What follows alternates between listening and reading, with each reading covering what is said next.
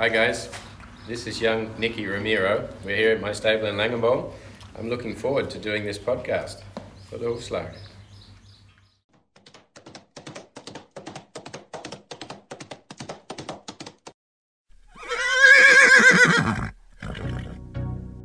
Podcast De Tweede Hoefslag. Leuk dat je kijkt of luistert naar weer een nieuwe podcast van Hoefslag. Ehm, we hebben nu Tristan Tikker in de uitzending.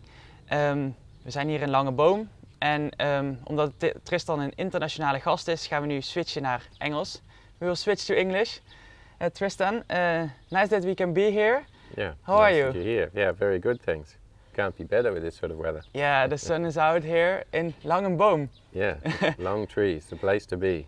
Long tree is the place to be. How is that for you to be here in such an unknown uh, village here in the Netherlands? Yeah, I mean, I've been here in the Netherlands for some time now. So um, for me, it's like home.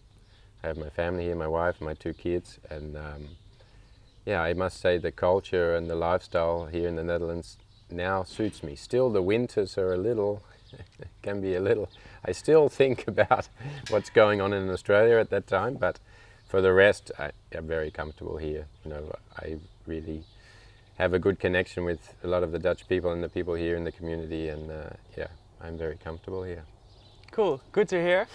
um, well, in this podcast, uh, we will talk um, mainly about the dressage things that you do. Um, but first of all, I want to know do you remember your first experience with a horse? Yes, my um, my mother was working in a stable when I was young. I was actually born in the UK, and my parents emigrated to Australia just before I was one year old. Mhm. So I grew up in Australia, and we emigrated to Australia on my father's trade. So he was working with cars at that time, and um, mum was working in the stable. So my grandfather was a horseman, um, but I hadn't had, of course, contact with horses before I was one in the UK. So the first time was with my mother. So um, and I remember being in the racing stable and having the horses stretching over the stable wall, and I still remember to this day, and it's the same thought that I have now with every horse that I meet, is that I hope that I could touch him. I hope that he would let me touch him. Yeah. And that was kind of the feeling every day. Every stable I would walk to when I could walk was that I was trying to make contact with the horses, and which is the same today. Was it like um, love on first sight? just in awe because of we were in a racing stable so you know as a young boy you hear them on the track at high speed and you see the power and yeah how much animal is there and so for a small boy that's yeah it's like if you're in awe of a dog as a boy and teaching it to sit and then you see a horse and what they're doing yeah it's very easy to be overwhelmed and totally attracted to it Are you an animal lover overall? Yeah, I'm an only child, so I uh, didn't have a brother and sister to play with, but I had pets guinea Yeah. pigs, dogs, cats. So I made all the time conversation and played most of the time with my pets. So yeah, it was a no brainer. I was going to become an animal person, I guess. cool, cool. Well, in this podcast, uh, we have some um, statements that you can agree or not agree with it, um, or that you have to make a choice. Um, first one is like Australia or the Netherlands. yeah. it's difficult um, because, of course, I think Australia will always be my home, and it's a place. When I'm in Australia, you you can't breathe the air anywhere else in the world that is there in Australia. My life now here at the moment is the Netherlands. So um, if I was to choose now where my life should be, then it's here. Yeah. But what makes Australia so special for you? Um, I think just the opportunities I had as a young person growing up, and of course the culture, the climate, um, yeah, the influences you have in that place, in that space. It's sort of all the things that you treasure and you're brought up on, um, yeah, stick with you, and you have a connection with that. So uh, yeah, there's many, many things about Australia, but um, yeah, the feeling of that being your home because you've grown up there and you've become accustomed to the weather and you have so many memories of, and experiences with friends and family and things like that. So, uh, yeah. And is this the best country to live to work with horses? Um, The I- Netherlands? Yeah, I think for me, I was first in Denmark when I came Mhm. to Europe, um, and then I traveled a lot, doing a lot of clinics and helping a lot of people in all over Europe. Um, Scandinavia was a little cold for me, Yeah. um, and as far as being really central, Europe, you can't get more central than this. Um, and the Netherlands is a horse culture. There's a lot of breeding. There's, you know, in a very tight space, there is thousands of horses. So um, it's the perfect place to be if you want to create uh, a business. And I've always felt, more so with the Dutchies than anybody else, that you can create a start here. You can always do business Yeah. with a Dutchman. Yeah. it goes very easily. So um, Do you like it? yeah, that was for me really natural, and, and the Dutchies were really open and always trying to get things to happen and to work. And um, in other places in Europe, it was less. And how do you explain your life here for, to the people in Australia? Your horse life. Yeah, well, it's um, it's difficult to explain. First, the size, because of course, if you're at home in Australia on 55 hectares, Yeah. and uh, you explain, "Oh, I've bought a property and uh, we're running, you know, 22 horses." Oh, yeah, and how big is it? And you say, "Yeah, around the four hectares." Yeah. th- So what about the horse property? We don't want to know how big your garden is. so, um, and also that everything is so close. You know, if somebody calls from home and I say, now I'm in France or now I'm, you know, in Germany or I'm in Switzerland or wherever, that's for them really bizarre because we can fly in Australia seven hours and still be in the country. Yeah. You know, so, Yeah, sure. so uh, yeah, logistically, that's a really mind blowing uh, thing, and also the, the aspect of sport. Yeah, we don't have big international shows like they do in Europe in Yeah. sport, and the level is no it is yeah second to none here in Europe. So um, yeah, that's also if you've never been here, difficult to to grasp, um, and that everything moves at such a fast pace. You know that we we have grown an online training hugely in a very short amount of time, and when we did do clinics and live events, you know, there's thousands of people coming to those events. Um, and in Australia, if you want to get thousands of people where I live, then they have to travel Yeah. Couple of days to get to you. Yeah, yeah, yeah. So that's the TRT, right? yeah. Can you tell us a bit- little bit more about that? Yeah, so it was, uh, it's an online training, so an online platform that we started now six, seven years ago. 2015, right? Yeah, Yeah. with my uh, colleague Connie Lundström. Mhm. And Connie had bugged me for actually a few, quite a few, number of years to do something, um, and I'd sort of pushed it back and pushed it back, and and then I had Why? yeah, I was busy with a lot of things, Mm. and I was sort of a bit unsure how people would take it. You know, I'd sort of watched a lot of DVDs in the past and had also the idea, but wasn't really sure. You know, that's quickly outdated, and um, I've attempted to write many books, and most of them, after you know a few months, I've thought I don't want to release this because now I'm thinking differently. Oh.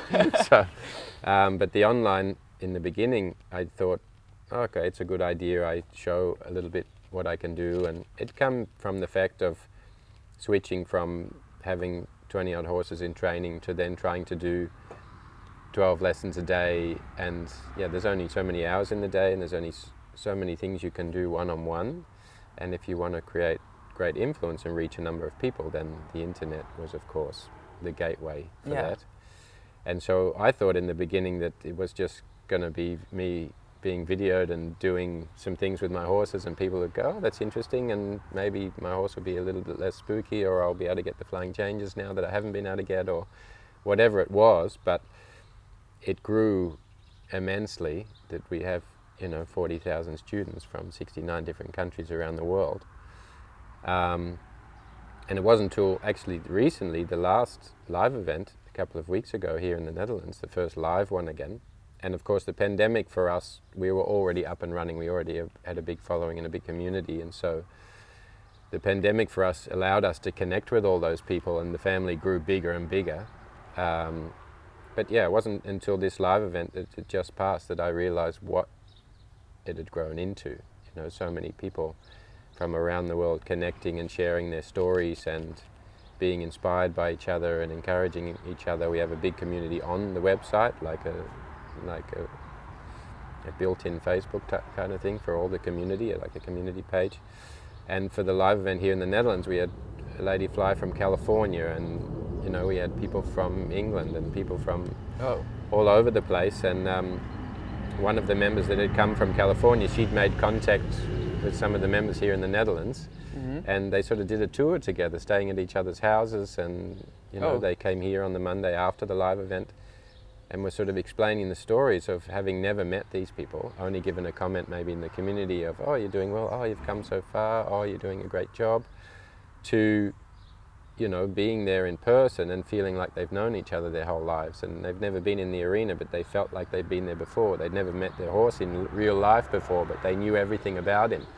So it's created a lot of really strong relationships and connections across the world that you don't imagine when you started it. Yeah, and what they're looking for? What what, uh, what training method or what questions do they have?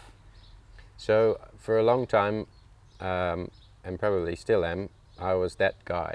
You know, if you um, have a horse with a problem, because you start making your business like that, especially in Australia, starting young horses and wild horses, and then you get the problem horses and race horses is a big industry in Australia, and and so they, they- they're the skills you develop. Um, and when you come to Europe, you have not had the riding education for sport. Yeah.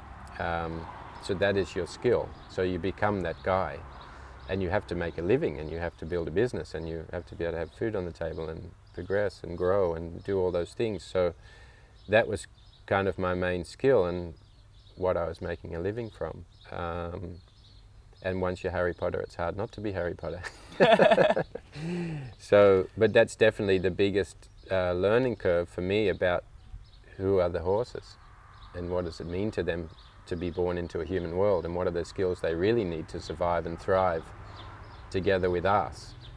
Um, and luckily for me, that's a big gap in sport because of the channels of coming into it by learning to ride in a riding school and learning what to do to get the horse to do the thing you want. Mm-hmm. And there's not a great focus on who is my horse and what is he thinking. How does he learn? How is he experiencing this thing that we're doing, competition or riding in the forest or whatever it is? So there was a great demand for people needing to learn to understand that. And for me, horses is about self knowledge and self improvement. The more I learn about myself through the horses, the more I can help horses and other people. So that's basically what the online training is about. Of course, it's also skill based because you have to, to learn, you have to learn skills to interact with the horse and to learn steps and to be able to grow and develop and have a good understanding of yourself and the horse. You need steps. Yeah. Um, so there's groundwork in the beginning. This is learning about the good patterns of how your horse can operate, where his weaknesses are, where his strengths are, where he has insecurities, where he's confident, where he's not confident, and where you are not confident, where you are not balanced, where you are giving the wrong signals and the wrong interpretation. Um, and then it moves on to specific things, trailer loading, all the things that commonly come up, horse shyness, separation anxiety, all these sort of things, horse not standing still to get on, horse not standing still in the wash place, all these kind of things. And then we're now slowly moving into the riding part. So starting a young horse series we have, so how to start a young horse from the beginning, saddle Mhm. muck marker, Yeah, yeah. call it here Saddle Netherlands. mark marker, yeah. So, um, and starting handling of foals from the beginning and what that means to a foal during its life and how you can make the easy steps to get a hold, teach them to wear a halter and to lead and to handle the feet and all these sort of things. And then, yeah, slowly progressing through the riding. So, my steps that I take um, in the way I have a conversation with the horse on the ground is the same way I like to do it in the saddle. And that's maybe differs a lot from a traditional aspect of riding. Um, we're focusing on, on the technical aspect of riding, purely the aids. Um, you learn a lot about the functionality of your horse and what's the best way that he can operate and move and feel good about himself within his physiology. Um, I try to take that then into the riding, so anything with four legs actually is able to do all the movements for Grand Prix in the end. Yeah, I have um, a statement for you that you can agree or not. Um, I can speak to the horses Yeah, I, absolutely, 100%. because I heard that um, your grandfather said that um, if you can speak with the horses, then you earn their trust. Or Yeah. how did he say that? Yeah.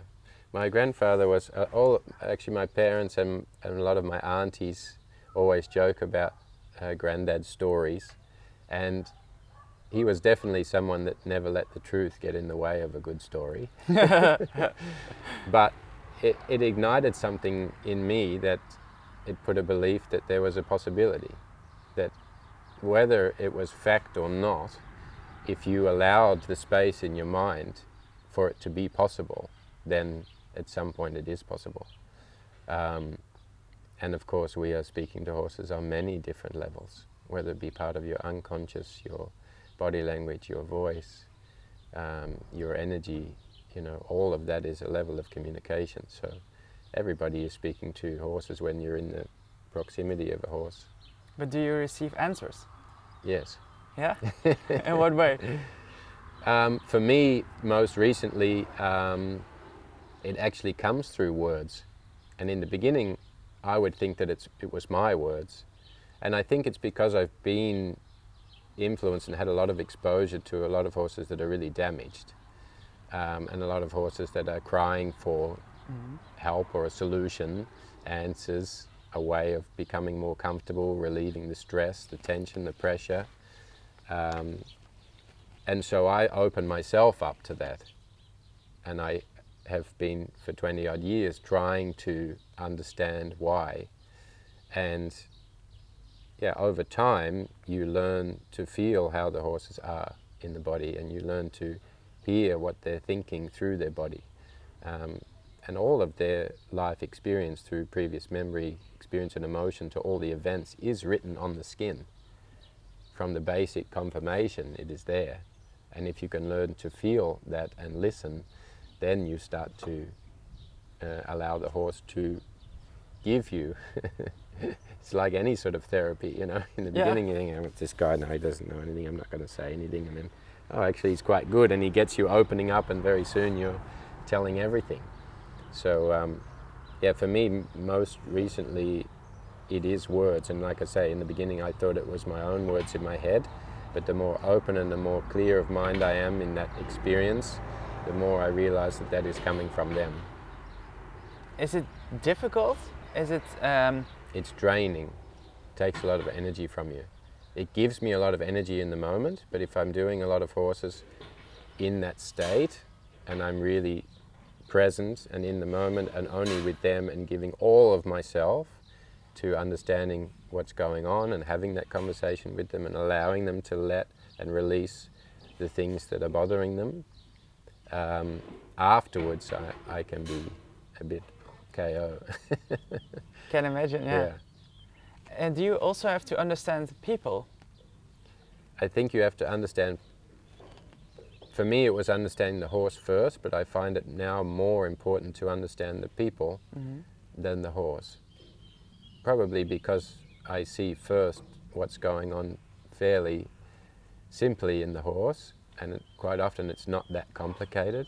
Uh, and the horses are very honest, where humans have often many more layers um, and we have a lot more influences of and paths of trying to fit into the world, the system, the discipline, whatever it might be, that sometimes it's more complex. and at the end of the day, you know, I did many, many years of being that guy where people were sending me horses and I was the mechanic. Um, and especially for the big stables where you would be sent horses with this and this and this, and can you just fix it so that we can continue doing what we're doing? Um, and sometimes it went very well, and sometimes for a year, and sometimes for a month. And at the end of the day, the, it is the combination that is important. Um, so sending a horse to be fixed, um, so you can do whatever it is you, you want to do with it in the way you want to do it, is in the long term not realistic. Is fixing the right word? no, it's not the right word No. at all. Yeah.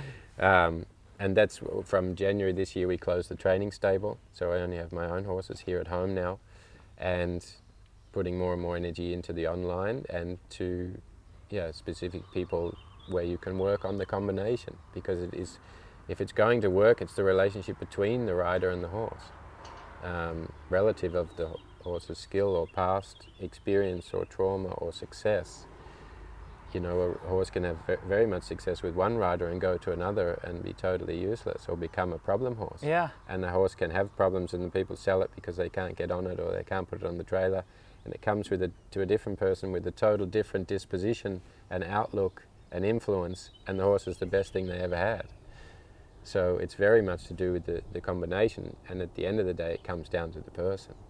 If we are not prepared to develop and change ourselves then the relationships and the progress and the growth and what we want to do and achieve with our horses is not going to get better either Do you think it's hard to understand for people that it can be also their problem? Yeah, I think for a lot of people it is because for, through no fault of their own, um, that has been their influence, the way they were brought into horses. Um, I see a lot of young riders now where their focus is purely on accolades, purely on sport. We have people come now, maybe a young person with a pony and the parents are there.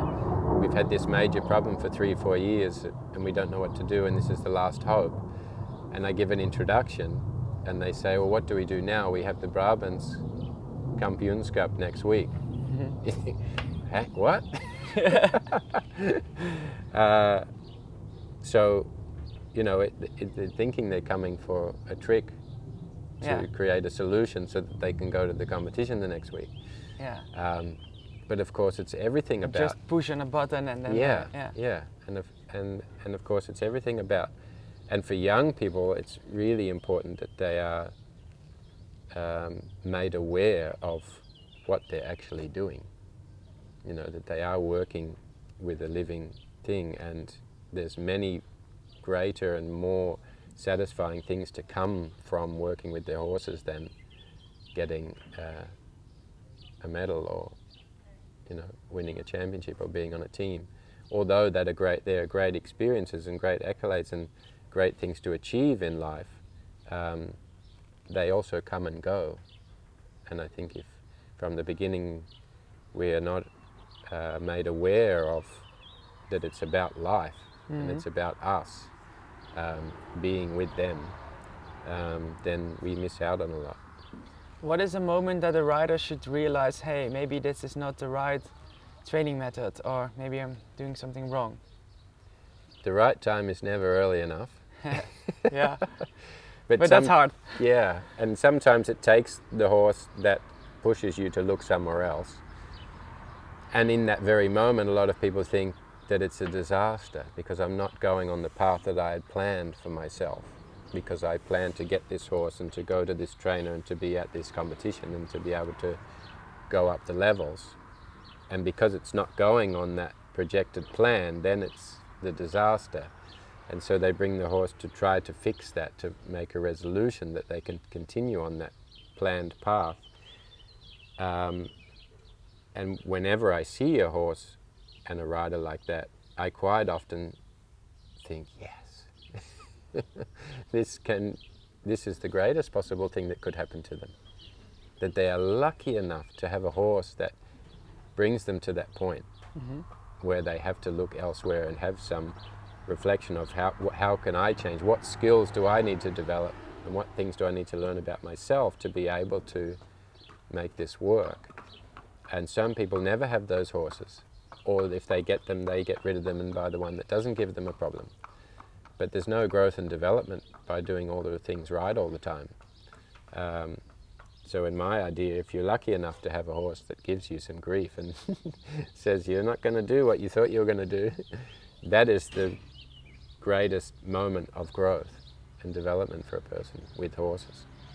Yeah. Um, I have a strange question for you, but I'm, uh, I want to know the story behind the answer. So, winning a gold medal at the Olympics or cleaning the shit in the box every day? Well, you can't do one without the other, really. Um, of course, you know, the, the definition of life is growth. You want to get better, and, and progression is there. It's not here staying the same. Um, although when I'm cleaning boxes myself, uh, I still look to try to do it better.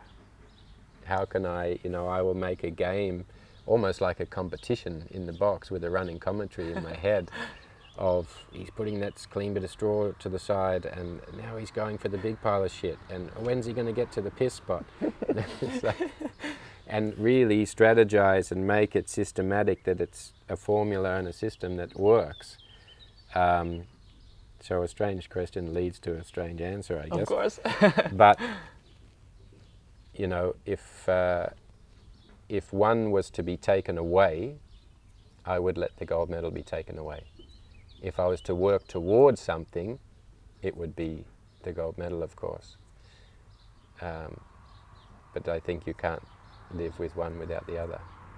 And it may not be okay cleaning a box directly but you can't get to the gold medal without doing the work basically Of course, yeah, Yeah. yeah. Do you have an ambition in international riding, winning medals? Yeah, it's nothing to do with winning medals for me. Um, my journey is about learning as much as I can about myself um, so I can understand the most that I can about horses. And my purpose, I feel now, is to share that with as many people as possible. Um, through that journey, I am trying to learn a way of riding that fits me personally and fits my horse. So every competition, every thing we go to is about the conversation that I'm having with my horse. Um, I'm not really governed too strictly by the guidelines, which has gotten me into trouble a lot in the past. um, Why? Yeah, because I'm very much with my horse, and it's about the experience and the conversation, and who is my horse and what is he thinking in that present moment. And if I stick to that, sometimes I'm, you know, not exactly sticking to doing the exercises as they should be, and sometimes I will ride, have ridden past a letter and then made the transition because it felt better, and everyone's thinking, "What is he doing?" Patting my horse in the middle of the test and being eliminated was one really good one. Um, but yeah, it's about that, and I, and I and the space of competitions of World Cups and like WEG, which we have in a few weeks. It's the environment and the place and the space in which I get to have a conversation with my horse um, that I'm not able to do at home. And when I have the level of understanding and the level of communication and the level of connection with my horse that that cannot be broken, and I can, I'm able to experience it, and my horse is able to experience it, but I'm also able to show it.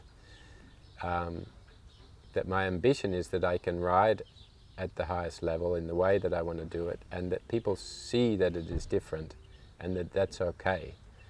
Because I think in the end you have to for the, for the world to be better for horses and for people with horses, we have to think that stuff that's different is not bad, not strange. We can step outside um, the boundaries of how our sport is run and, and be able to grow and develop and make it better. And tradition is a very strong thing in our sport, so sometimes that's difficult. It is, yeah. And I think a lot of riders believe that riding in dressage is as much to do with a persona and being popular as it is of, okay, we have to ride the exercises and we have to be accurate and it's either good or it's not good to a certain degree. But there is a hell of a lot about becoming that person. Um, Is that maybe also difficult because it's a sport with judges? Yes, yes. And, you know, it's said a lot, but in contrast with jumping, you're in the time, the pole, you're clear or not. Yeah, that's easy. Yeah, Yeah. yeah. But um, dressage is, of course, purely judging and can be more subjective. So, very much we we sort of get trained into being this type of rider and presenting ourselves in this way and riding in this way, and the horse has to be presented like this, and it has to look like this, and then we, be, we shut down all the possibilities of relationship and connection and understanding of our horses um, through the whole process. You know, I have many riders that come and they may have some tension issues, and we go through a process of getting it very good for the ring, and they can be very focused at that moment. This is what I have to do because my goal is to get, you know, this percentage, and it, so I have to do this is in this step, Yeah. and they're very strict on that. And then they do very well, and they get into the prize giving, and then the crowd is clapping, the music going, and they're passaging and they're waving, and I'm thinking, oh, this is exactly the thing we were working against, you know. And you get again filtered into that experience of the the human thing where we have to celebrate, and then we forget about what the horse is experiencing in that moment. Um, So we should stop with that. f- for me, of course, there's a lot of horses that manage it very well, and it is a sort of celebration of the horse and rider together. But I think there are, in many instances, um, a lot of different ways we can do it. Yeah. And for my feeling, when my horse has been in the ring and we've done our thing and we've been able to show what we wanted to show in the way that we practice it, we've been really in the moment together and we've had perfect communication with no miscommunication or blockages in connection.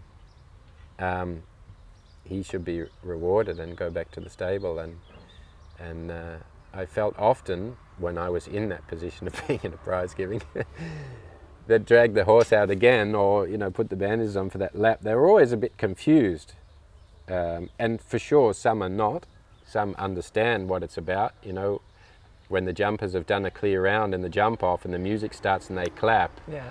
you know, in that very moment that the horse has finished the clear round and he's kicking and bucking, he knows it's also a celebration. Yeah.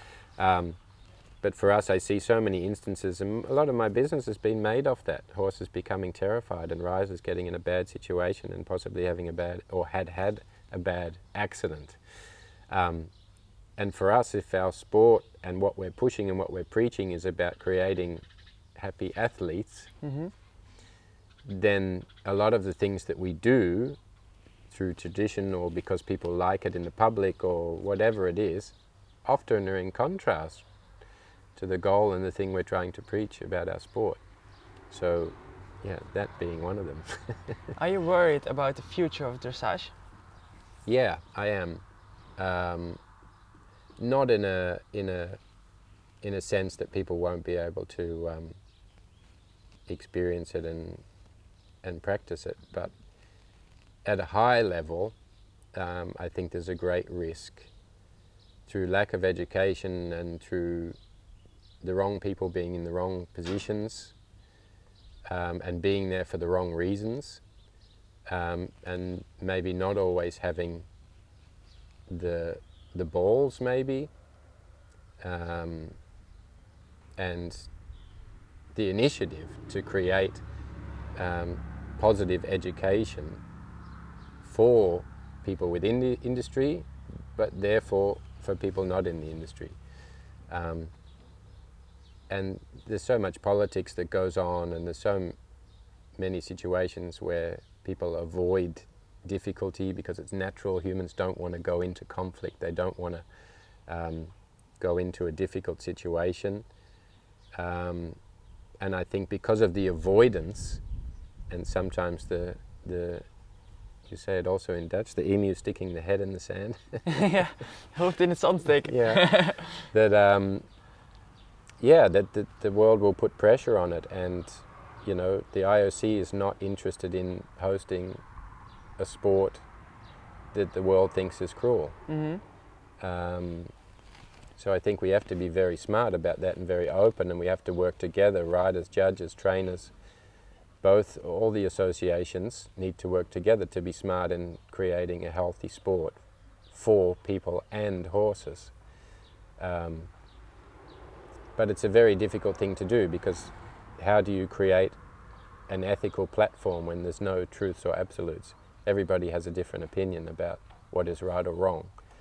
Um, and I think that is the actual key element of it. That where where do our ethics lie, um, and where where are our moral um, grounding about what we're doing? And we ha- to to figure that out, you have to strip it back, and you have to get down to the grassroots of making a set of ethics that is saying what is right and what is wrong, Do you and feel not being afraid to change what we have currently Mhm. um, in order for that to push forward, and then to be proud of it, and to promote it, and to make the sport better in that way.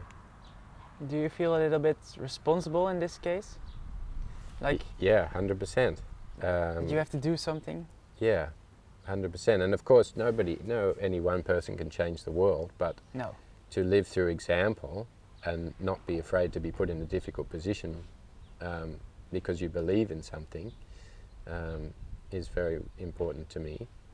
And because my life doesn't depend on being on a team and becoming successful and winning a Grand Prix, um, I have more freedom to do that.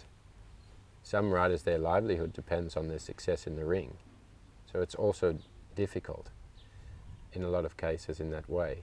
And the horse world is a difficult world to survive in. Um, to be a trainer, to run a stable, you know, to be a coach, to be a rider, yeah, it's difficult. And to be successful at it is even more difficult.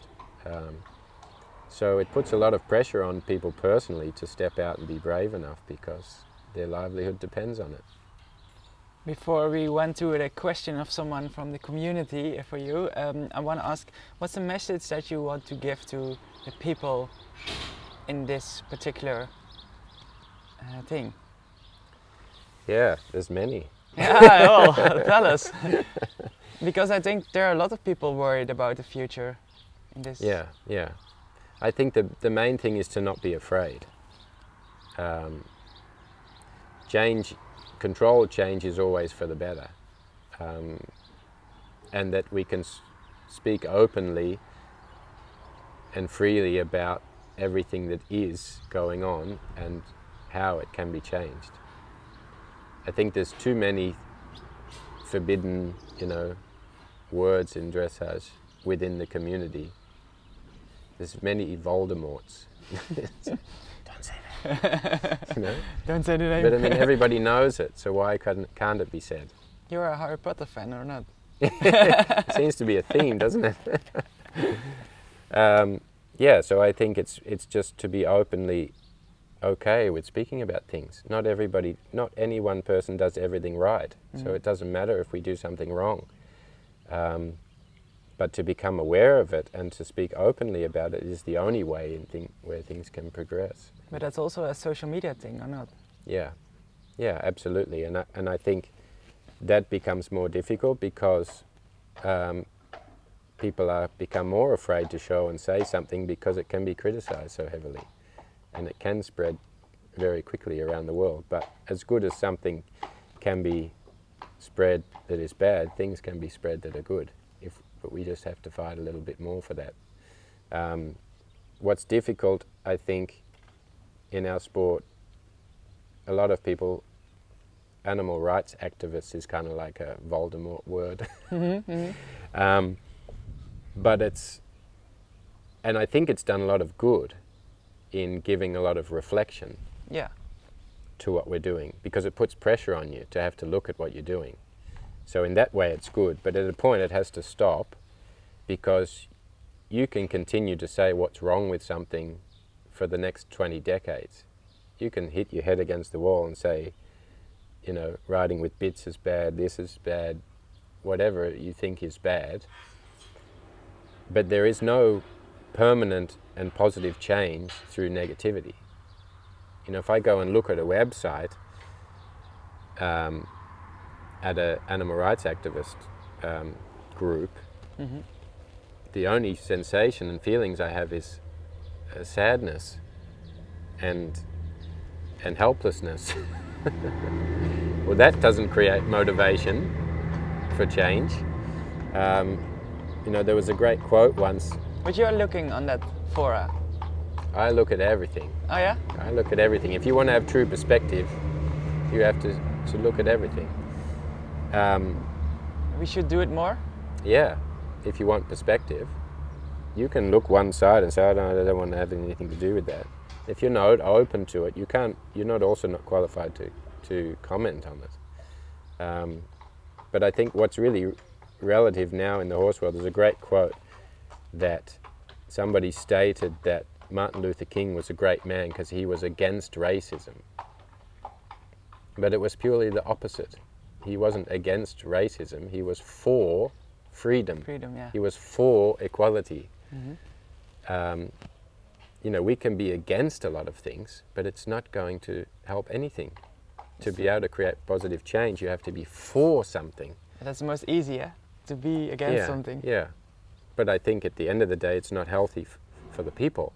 If you're constantly looking for the bad things, if you're constantly living in a negative field of energy by Mhm. proving the wrongdoings of everybody, you you become ill yourself.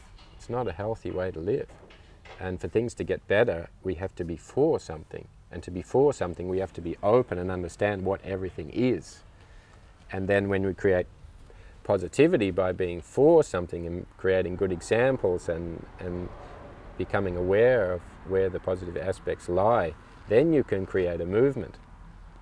Martin Luther King didn't create a movement because he was against something. He was because he was for something. He empowered the people and made them understand what we need to do to be able to live in peace and to be able to, to grow and, and thrive. And we need to do the same thing in the horse world. Otherwise, it will become so negative and so drowned in, in everybody's wrongdoings that we don't want to do it anymore. You are also for something. Yeah, For what? for the horse Yeah. and for us. Firstly, for us. hmm Um, because if you're not good to yourself, you can't be good to anybody else. Um, and to be good for ourselves, we can be good to each other, and if we can be good to each other, we can give healthy energy and education and understanding to our horses. Um, and at the end of the day, if we are healthy in the mind, our horses are also. That's nice. Yeah. The question from Natalie is um, in Dutch: wat, m- wat moet je doen als je paard gestrest blijft onder het zadel? Do you understand? Yeah, that's that's my daily job for Yeah. the last 20 years. yeah. So that's the question uh, from Natalie. You have to get off the saddle and start to look at your horse from the ground up. Who is my horse? What is he thinking? What is he good at? What is he not good at? Horses that are doing something wrong is generally a horse that just doesn't know the right thing. He's missing some pieces in his education, in his tools. So coming back to the ground gives us a good understanding of how the conversation is in his body. However he moves is who he is. Is the way he moves causing him stress and tension? And then slowly building up to teaching him how to operate and manage himself within the things he's going to experience when he's under saddle in the riding. So the four elements, movement, touch and sound, it is the four things that create horses to be nervous, to trigger the flight instinct. These elements live in the tractor, the dog, you know, things that move, things that make a sound, all these four elements. And so understanding those things, other things in the environment from you, from the saddle, from the space that are also making him nervous, eliminate them, teach him how to manage himself within the space of those things. And then through the groundwork, you're teaching him to understand the meaning of the aids. How is he responding to you? What does he understand? Through doing that, you're also understanding what you are doing. Are you sending the right singles? Are you a balanced person? Are you a nervous person? And so sometimes we can say, oh, we're not nervous. I'm not nervous, but he is. If you're not a nervous pers- person, but you're a person that says, hey, go here and go there, and he's like, what's going Oh, jeez. She's a bit full on. so going through that process also teaches you the reflection you have on your horse. How does he see you and the experience and what you're going through? So it's a common question, and there isn't an answer of, oh, what you do is you go and you rub your saddle with this cream on the right side, and then you go and spit and rub the saddle on the other side like that, and then he's relaxed. Or you go and ride one circle to the left, one circle to the right, and you put his head up, and then you slap him on the ass. That also normally fixes it. No. It doesn't exist. no. You have to really find out who is my horse and what is he thinking and what is the information that he misses. The exam is getting in the saddle. If you're going to pass the exam, you have to have all the information. If you don't have the information, you fail the exam. You become tense, you become fearful, whatever that reaction is going to be. Yeah. Well, good. I think we can talk hours uh, about uh, those things, um, but we have to, to finish. Um, is there anything that you that you want to add that we forget? Don't think so. No, you are going to Herning, right? Yes, To the World Championships. Yeah. What are you going to do there? I, I give a masterclass there, and there's a lot of meet and greets and uh, interviews going on. And also, my good friend uh, Brett Kidding will be giving a performance there. So uh, he's going to be riding a very magical freestyle piece. So uh, it's going to be very exciting. Cool. Well, thank you so much for your time. It's great to be here. Thank you. Thank you. Leuk dat je keek of luisterde naar deze nieuwe podcast. Vond je hem nou leuk? Abonneer dan op ons podcastkanaal. En luister ook onze andere podcasts, bijvoorbeeld die met Rien van der Schaft. Als ik het gevoel heb, nou ben ik hier aangenomen als bondscoach en ik fungeer alleen maar als chef de keeper, mag ze rondrijden naar het hotel en terug en ik, of organiseren. Nee, dat, is- dat is niet, dat, niks is met te min hoor, maar dat is mijn, dat is mijn ambitie niet.